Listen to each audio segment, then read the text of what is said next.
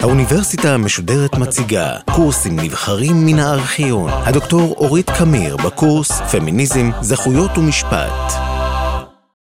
בשיחה הרביעית של הקורס דיברתי על הזכות לשוויון, ואמרתי שמקובל לראות את הזכות הזאת בתור הזכות הבסיסית והחשובה ביותר, שמכילה את כל זכויות האישה. פגיעה בכל זכות של אישה היא גם פגיעה בזכותה לשוויון וההפך. הצגתי שם את תפיסת השוויון האריסטוטלית, שלפי השוויון משמעו יחס דומה לדומים ויחס שונה לשונים. הצגתי את הביקורת הפמיניסטית של פרופסור מקינן, ואת ההצעה החילופית שהיא מציעה לאיך להגדיר שוויון במקום ההגדרה האריסטוטלית. באותה שיחה ציינתי גם שאפשר לראות ערכים נוספים אה, כמרכזיים מאוד לפרויקט הפמיניסטי, בנוסף לשוויון, וציינתי שאחד הערכים האלה הוא כבוד האדם.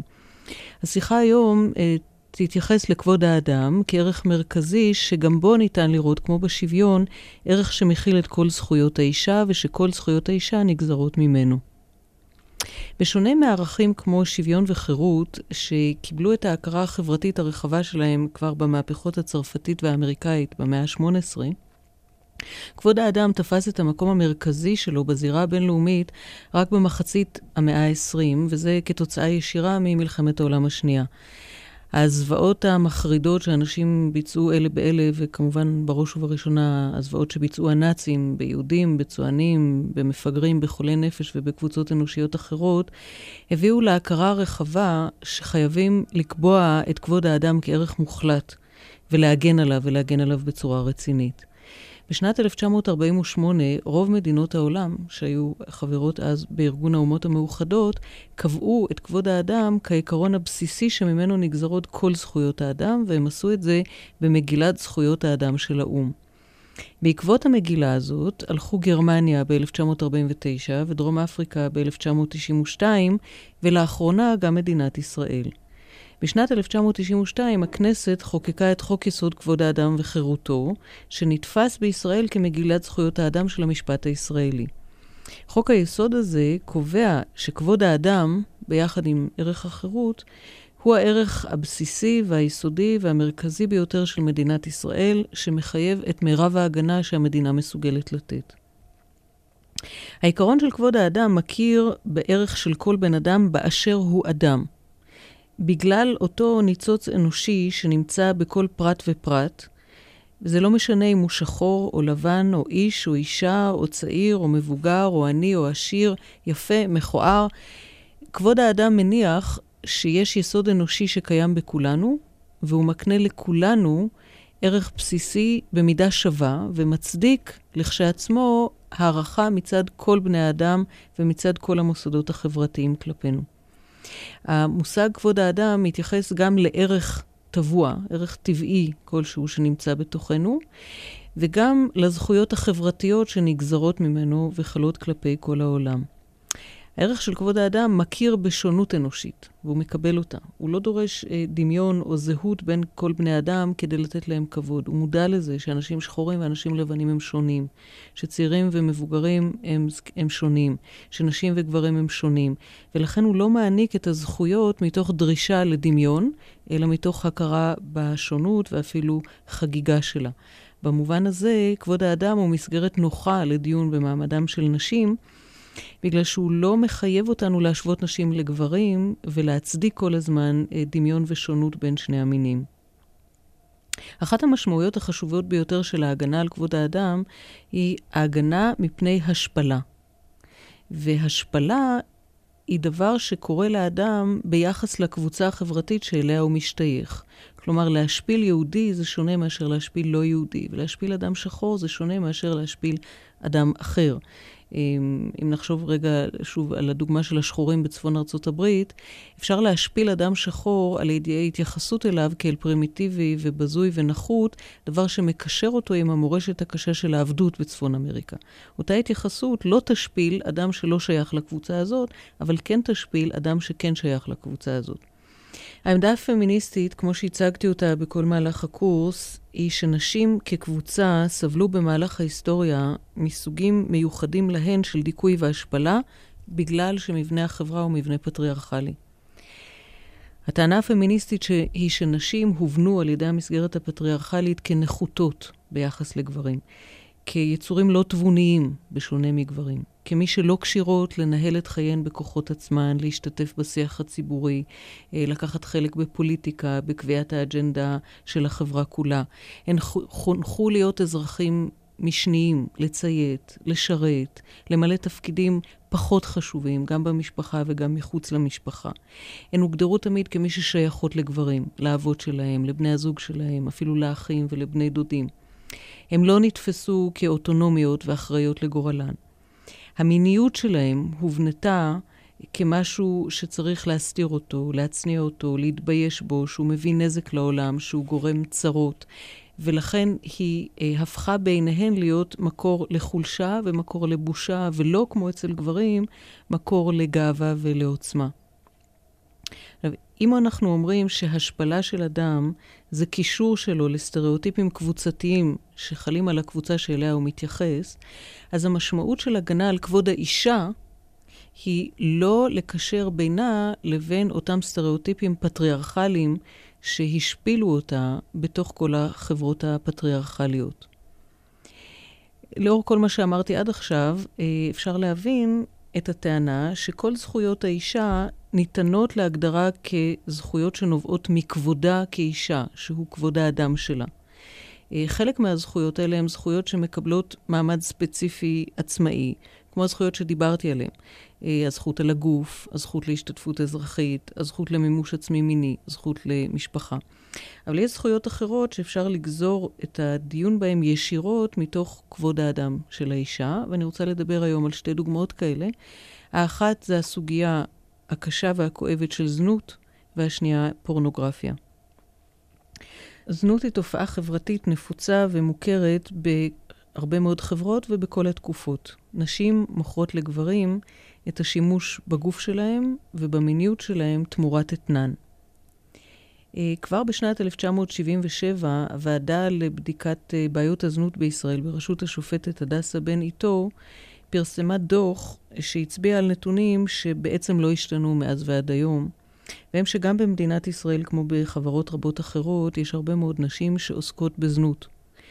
יחס החברה אליהם הוא שלילי ומבזה ומרחיק. אה, רוב העוסקות בזנות בחברה היהודית בישראל היו אז והם עדיין נשים ממוצא מזרחי, ממשפחות מצוקה, אה, משפחות אה, מרובות ילדים ועם הרבה בעיות סוציאליות. רוב הנשים האלה הן בעלות השכלה נמוכה או נטולות כל השכלה, הן חסרות תמיכה משפחתית וחברתית, הן סובלות מבעיות בריאותיות וגם מבעיות בריאות נפש, והרבה מהן סובלות מהתמכרויות לסמים. הדימוי העצמי שלהן נמוך מאוד, רבות מתחילות את העיסוק בגיל מאוד צעיר, וחלק מהן ממשיכות בו הרבה שנים, עד uh, לתוך שנות ה-40 שלהן. בדרך כלל המצב הכלכלי שלהם הוא קשה מאוד. היום מקובל להצביע גם על הקשר בין העיסוק בזנות ובין uh, גילוי עריות ותקיפה מינית שהעוסקות בזנות uh, עוברות בגיל צעיר. נשים שעוסקות בזנות חשופות לתקיפות אלימות של לקוחות וגם להטרדות קשות של המשטרה. רק חלק מאוד קטן מהן הן אה, מה שנקרא נערות טלפון, או נערות ליווי, אה, שמבצעות את השידול במועדונים או בטלפונים, והן נחשבות אה, זונות צמרת, ומקובל לחשוב שהן חיות לכאורה חיי זוהר. רוב הנשים בפועל עוסקות בזנות ברחוב, בצורה שאין בה שום זוהר. הגישה המוסרנית רואה בזנות מעשה שהוא מופקר ובלתי מוסרי שפוגע במוסר הציבורי, ולפי הגישה הזאת, נשים שעוסקות בזנות הן מופקרות, והן מיניות, נטולות בושה, משחיתות את המידות הציבוריות, שמות מכשולים בפני אנשים מהוגנים, וצריך להעניש אותם. הגישות האלה מצדיקות אה, גישה אוסרת של המשפט וגישה שתעניש את הנשים האלה על התנהגות לא מוסרית. גישות ליברליות, לעומת זאת, לא מתייחסות בכלל למוסריות של הזנות. לא מטריד אותם המוסר הציבורי, והן מתייחסות לזנות יותר בהקשר של חופש העיסוק וחופש הבחירה, ורואות בזה עיסוק מקצועי, לגיטימי, שצריך להתייחס אליו כאל כל אינטראקציה כלכלית ולאפשר אותו למי שרוצה לעסוק בכך. בקרב הליברלים יש הרבה אנשים שרוצים לבטל את האיסורים על זנות, ויותר מזה יש כאלה שרוצים לעשות הסדרה, כלומר רגולריזציה של זנות, כלומר לדרוש אה, ממי שרוצה לעסוק במקצוע הזה להירשם אצל השלטונות, לעבוד בבתי אה, בושת מוסדרים, אה, לעבור בדיקות אה, רפואיות קבועות אצל רופאים, לשלם מס הכנסה, אה, לעשות לגיטימיזציה של העיסוק הזה. הגישה הפמיניסטית הרדיקלית בעיקר רואה בנשים שעוסקות בזנות קורבנות של דיכוי, דיכוי פטריארכלי. הטענה היא שהנשים האלה נדחפות גם על ידי אלימות מינית, על ידי גילוי עריות, על ידי סרסורים ועל ידי עולם פטריארכלי שמשאיר להם מעט מאוד אופציות אה, להישרדות כלכלית, להפוך לגופים בלי נשמה. כדי להתמיד בעיסוק הזה, שהופך את הגוף של האישה למכונה ושולל את ההיבט האנושי שלה, אה, נשים שעוסקות בזנות נאלצות לצרוך סמים ומקצרות בזה את החיים שלהן. לפי הגישה הזאת, הגופים של נשים כאלה נסחרים כאובייקטים מיניים. וזה נעשה לא רק לשם הסיפוק של הצרכים הספציפיים של הגברים המסוימים שהם הלקוחות, אלא גם לצורך הנצחת הדימויים הפטריארכליים של נשים כסחורות לצריכה מינית על ידי גברים. כלומר, כל עוד השירותים המיניים של נשים יכולים להיקנות במעט כסף על ידי כל גבר שמעוניין בזה, כל אישה, באשר היא אישה, מקושרת עם הדימוי של מיניות נשית שאפשר לקנות אותה. כלומר, כל עוד קיים העיסוק בזנות, כל גבר יכול לכנות כל אישה בכינוי גנאי זונה, ולהגיד משפטים מוכרים כמו כל הנשים זונות. העיסוק בזנות מנציח את הריבוד החברתי שבו גברים הם בני אדם עם כוח ואמצעים כלכליים, ונשים מספקות גופים נסחרים שאפשר לקנות אותם אה, לרצונם של גברים. לפי הגישה הזאת, התפיסה הליברלית על חופש העיסוק של מי שעוסקות אה, בזנות, אה, זה שימוש ציני בלשון של זכויות אדם, שמנציח דה-הומניזציה של נשים ואת הדיכוי שלהם. כיוון שלפי הגישה הפמיניסטית הרדיקלית, העיסוק בזנות יוכל להיחשב אולי יום אחד כבחירה, רק בעולם שבו לנשים ולכל הנשים, גם מהשכבות הכלכליות הנמוכות ביותר, תהיה באמת בחירה באופציות אחרות, שבהן הן תוכלנה לתפוס את עצמן כבני אדם ולא כאובייקטים מיניים. הפמיניסטיות הרדיקליות שדוגלות בגישה שהצגתי עכשיו, נוהגות בדרך כלל לראות בזנות פגיעה בזכות האישה לשוויון. בגלל שהזנות מחזקת את השקפת העולם הפטריארכלית ומקבעת את אפליית הנשים בחברה. אבל אה, אפשר לראות איך שיח כבוד האדם, גם הוא יכול לשמש את המסגרת הראויה למחשבה על הזנות. כיוון שהשאלה המתחייבת היא, האם העיסוק בזנות עולה בקנה אחד עם הערך של כבוד האדם וכבוד האישה. הרוב המכריע בקרב הציבור בארץ ובעולם בכלל רואה בזנות עיסוק משפיל ומבזה. קשה לחשוב על אדם שיאחל לאישה אהובה עליו, אם או אחות או בת או ראיה או ידידה, שהיא תעסוק בזנות. יש אנשים שרואים בעיסוק הזה גורל מר ממוות. גם מרבית הנשים שעוסקות בזנות תופסות את העיסוק שלהם כמשפיל, את עצמן כבזויות, ולא מאחלות גורל כזה לבנותיהן. לכן קל לראות למה הפרקטיקה של מכירת שירותים מיניים משפילה גם את הנשים הספציפיות שעושות את זה וגם את כלל הנשים כקבוצה. אה, ולכן קל לראות למה אפשר לראות בזה פגיעה קשה בכבוד האדם אה, ובכבוד האישה בפרט. מתוך הגישה הזאת, הגישה הליברלית שמדברת על רגו, רגולריזציה של זנות יכולה להיחשב כהכרה חברתית רחבה בפרקטיקה שבעצם פוגעת באופן עמוק ביותר בערך של כבוד האדם וכבוד האישה. החוק הישראלי כפי שהוא כיום אה, מכיר בעובדה שסרסורים מנצלים חולשה של נשים ויחסי מרות ותלות ויחסי משפחה, והוא קובע עמדה מאוד שלילית כלפי הניצול הזה. וכפי שהחוק היום, אה, דומה שהוא עולה היטב בקנה אחד עם ניתוח סוגיית הזנות מנקודת המבט של כבוד האדם וכבוד האישה. יחד עם זה, הם חייבים להצביע על שתי בעיות שחותרות תחת העמדה המוצהרת של החוק. האחת היא שרשויות אכיפת החוק לא אוכפות את הוראות החוק, וסרסורים לא מובאים לדין. ושנית, כדי למנוע הידרדרות של נשים לזנות, הכרחי להשקיע הרבה מאוד משאבים בעבודה סוציאלית כדי לאתר נערות במצוקה ולהושיט להן יד לפני שמאוחר מדי. ולמרבה הצער, המדינה לא משקיעה את המשאבים במטרה החשובה הזאת, ונערות ממשיכות להידרדר אל הרחוב בגילים מאוד מאוד צעירים, עד כדי חמש ושבע. הסוגיה השנייה שאדבר עליה היא פורנוגרפיה, והיא דומה מאוד לסוגיית הזנות. למעשה אפשר לראות בפורנוגרפיה, ואני מתייחסת קודם כל לתמונות ולסרטים, תיעוד מצולם והפצה פומבית של עיסוק בזנות. בגלל שנשים שעוסקות בפורנוגרפיה, מה הן עושות בעצם? הן עוסקות בזנות שמצולמת ונמכרת אחר כך לשימוש אה, רחב. נשים כאלה, שהפרופיל שלהן, אגב, בכל העולם הוא דומה מאוד לפרופיל של נשים שעוסקות בזנות, מוכרות את שירותי המין שלהן ואת השימוש בגוף שלהן, רק שהנהנים מזה הם לא רק הנהנים המיידיים, אלא ציבור הרבה יותר רחב.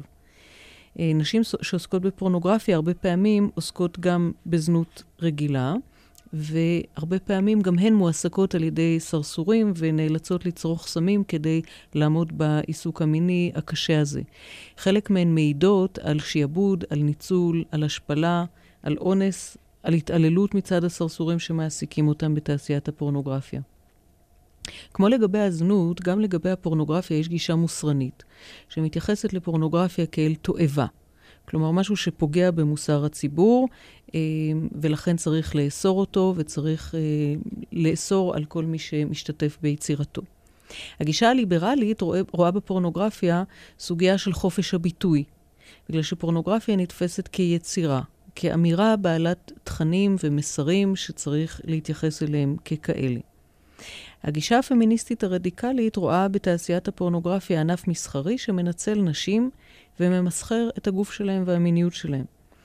אה, לפי הגישה הזאת, הפורנוגרפיה מבטאת ומנציחה מציאות של דיכוי ואפליה של נשים, בעיקר על ידי אירוטיזציה של שליטה גברית בנשים, ומיניות כוחנית ואלימה של גברים ביחס לנשים. כלומר, שליטה של גברים בנשים מוצגת בסרטים פורנוגרפיה כמשהו שהוא מעורר ומרגש מינית, ולא כמצב חברתי מפלה ושלילי. ולכן המציאות הפטריארכלית מקבלת ביצירות הפורנוגרפיות האלה לגיטימציה. והיא מובנית כחלק שהוא בלתי נפרד מהקשר המיני בין נשים לגברים תמיד. בסרטים פורנוגרפיים נשים מוצגות בתור אובייקטים מיניים שהן זמינות תמיד לשימוש של גברים, וכמי שנהנות ומתענגות על כל מה שנעשה להם. בפורנוגרפיה קשה, נשים מוצגות כמי שהן נהנות גם מאלימות מינית ומהשפלה ומכאב שנגרם להן. הן מוצגות כמו מזוכיסטיות וכמי שממש משתוקקות להיאנס בכל צורה אפשרית ולשתף פעולה עם כל פנטזיה גברית שרק תעלה על דעתם של מי שמבצעים בהם את זה. כל הדרכים האלה אה, פוגעות בכבוד האישה, מציגות אותה אה, לפ... בהתאם לסטריאוטיפים המזיקים לה ביותר, וכמובן גם פוגעות בשוויון שלה. בשנת 1986, העיר אינדיאנפוליס שבמדינת אינדיאנה בארצות הברית חוקקה חוק עזר אה, מקורי יוצא דופן שנהגה ונחקק על ידי שתי פמיניסטיות רדיקליות שהן פרופסור קת'רין מקינן ואנדריאה דוורקין. אה, ברוח גישתם הפמיניסטית, חוק העזר של אינדיאנפוליס הגדיר פורנוגרפיה כתיאור מיני גלוי של דיכוי נשים והשפלתם בתמונות או במילים, כשנשים מוצגות כאובייקט מיני שנהנה מכאב או השפלה או אונס, או להיות אובייקט מיני קשור, חתוך, מעונה או פצוע.